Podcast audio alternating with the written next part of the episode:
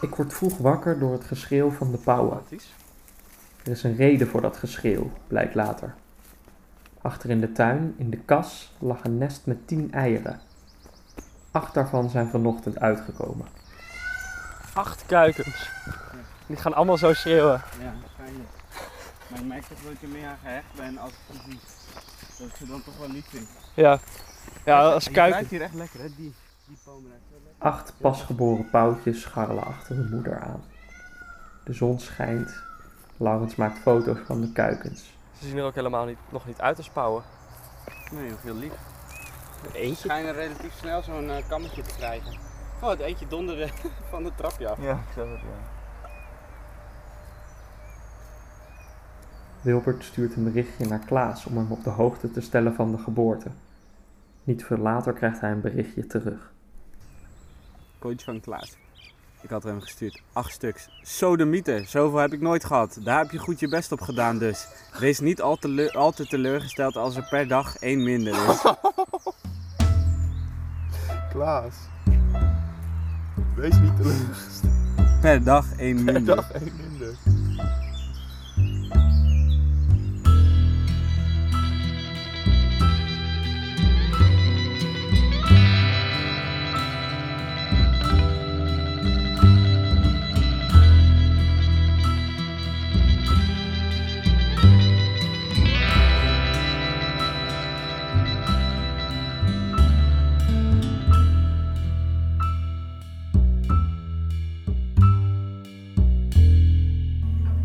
Als pasgeboren pauw heb je veel te vrezen in deze wereld. Maar een van de meest directe dreigingen is waarschijnlijk het speelse rode katertje dat hier iedere dag door de tuinen sprint. Het katertje draagt de naam Bear Grylls, vernoemd naar de beroemde survival expert Bear Grylls, bekend van het televisieprogramma Ultimate Survival op Discovery Channel. De eerste maanden van zijn leven woonde Bear Grylls, de kat, in Rotterdam, in het appartement van Laurens. Toen mocht hij niet buiten komen, de kat. Op zijn leeftijd vormde de stad een nog te groot gevaar. Na een half jaar verhuisde hij samen met Laurens naar Oosterhouw. In Noordwest-Groningen groeide Bear in korte tijd uit tot een echte buitenkat. Ik denk dat Laurens op een soortgelijke ontwikkeling hoopte, toen hij begin maart naar Oosterhouw verhuisde om Wilbert hier gezelschap te houden. In de ruim drie jaar dat ik hem heb leren kennen, lijkt Laurens altijd op zoek naar een ommezwaai. Een levensveranderende stap die hem dichterbij zal brengen bij wie hij is, of wie hij wil zijn. Hij reisde liftend door IJsland in de winter, reed op zijn longboard van Boulogne-sur-Mer terug naar huis, om er dan thuis iedere keer weer achter te komen dat hij nog altijd dezelfde was. Twee jaar terug reisde hij in zijn eentje door Nieuw-Zeeland. Gedurende die reis beklom hij Mount Taranaki, een slapende vulkaan in het noorden van het land.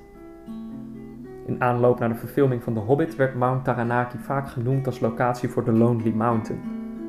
Uiteindelijk werd het een replica van Mount Cook, maar toch, om je een idee te geven. Bovenop Mount Taranaki overnacht Laurens in zijn eentje in een berghutje. De volgende ochtend begint hij met stralend weer weer aan de afdaling, maar hij komt al snel in een hagelstorm terecht omdat hij daardoor snel niet zeker meer was van zijn route, is hij omgedraaid en heeft hij via zijn voetsporen in de sneeuw het berghutje weer teruggevonden. Daar licht hij hulporganisaties in over zijn situatie, maar door het barre weer zou de helikopter hem pas een dag later kunnen komen halen. Dus zou hij nog een nacht alleen doorbrengen in de koude hut. Op Twitter maakt hij grapjes over zijn situatie. Een dag later is hij in het NOS-journaal. Hulpdiensten in Nieuw-Zeeland hebben een Nederlandse bergwandelaar gered. De 29-jarige Laurens Collet strandde donderdag op Mount Taranaki. Door hevige sneeuwval kon hij niet meer veilig naar beneden. Het werd gevaarlijk omdat ik, eh, toen ik ochtends eh, na de eerste nacht daar slapen naar buiten stapte, eh, al snel betrok. Het ging hagelen en heel erg stormen. Eh, dus toen dacht ik, het is nu het veiligst om gewoon terug te lopen naar de hut eh, en, eh, en de hulpdienst in te schakelen. Die hut was echt gewoon een houten, een houten schuurtje waar geen voorraad was en geen warm water, geen, überhaupt geen water, geen licht. En ik had zelf voor een dag of twee nog ehm, brood bij me. En wat, wat, warme, wat warme kleren om mezelf warm te houden.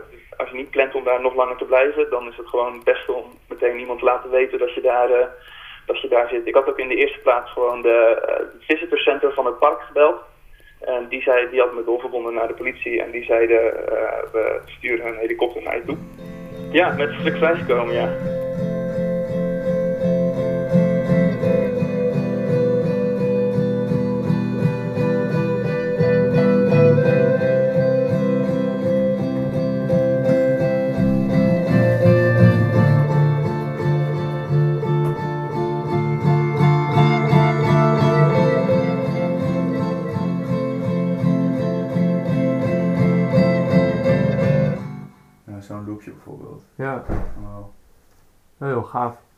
Ja, zeker. Ja. Maar is alleen nog eh, absoluut geen, geen liedje of zo. Het is Nee. meer een soort beetje combinatie van gitaarpartijen die ik heel vet vind bij elkaar. En wat dan ooit nog wel een keer uitgroeit tot een, eh, Ja. tot een liedje. Maar was dat, was het een plan toen je hier kwam om... eh, Ik had wel gedacht dat ik meer zou maken, ja. Dat ik meer, maar toch een beetje opgeslokt door de dagelijkse bezigheden. Laurens is behalve bergbeklimmer ook muzikant. Hij heeft bijvoorbeeld de muziek voor deze podcast gemaakt, maar hij kan ook prachtig zingen. Het was de bedoeling om in zijn tijd op Oosterhouw een EP op te nemen, maar daar is het nog niet van gekomen. En ook een zin, een zin die, een zin die eh, eh, Christian, de partner van Klaas, een keertje heeft gezegd of geschreven. eh, die, me, die ik ook echt nog wil gebruiken in een, in een, in een liedje is... eh, dit huis is meer gang dan kamer. Oh ja, ik hoorde dat Wilbert gisteren ook zeggen Ja, tegen die mensen.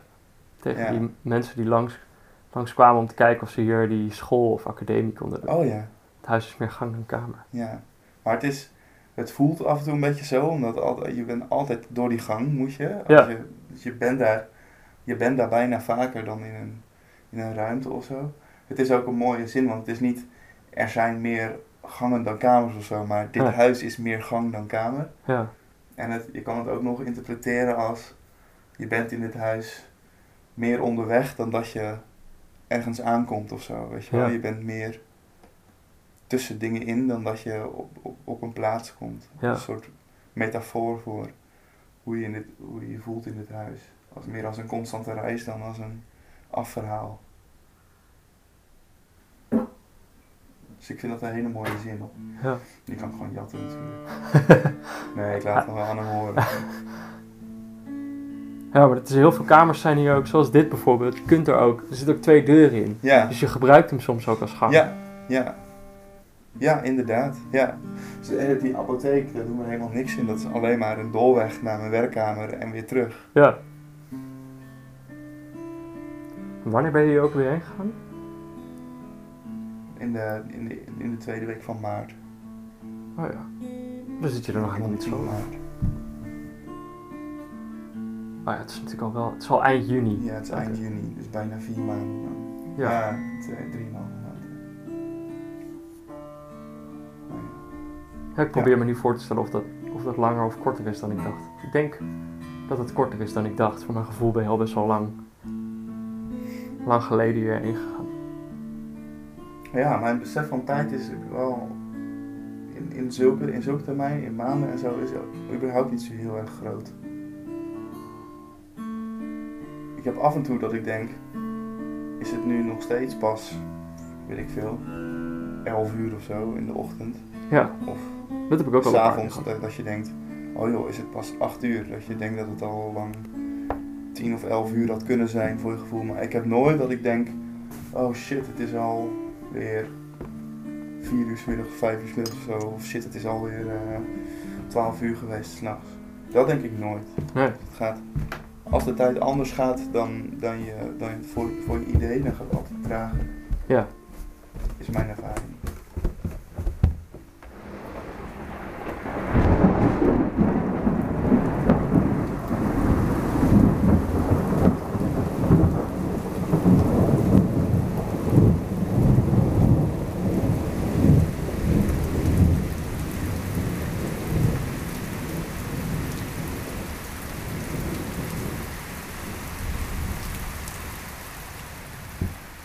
Later die dag buldert het onweer over het Groningse platteland. Terwijl buiten het water met millimeters tegelijk uit de hemel valt, worden de deuren en ramen van Oosterhout gesloten. De groep van 16 is alweer huiswaarts gekeerd. Laurens verdwijnt in de tuinbibliotheek. Bear Grylls ligt opgekruld op een stoel, Wilbert in bed.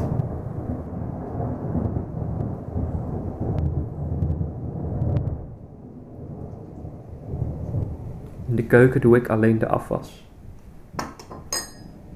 Ik denk aan de pasgeboren pauwtjes buiten. Amper een dag oud en nu al donderslagen en bliksemflitsen.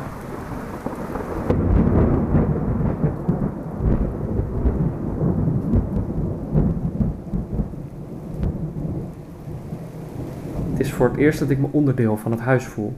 Niet meer zozeer een indringer of een passant. Er lijkt geen einde te komen aan alle borden en koffiekopjes.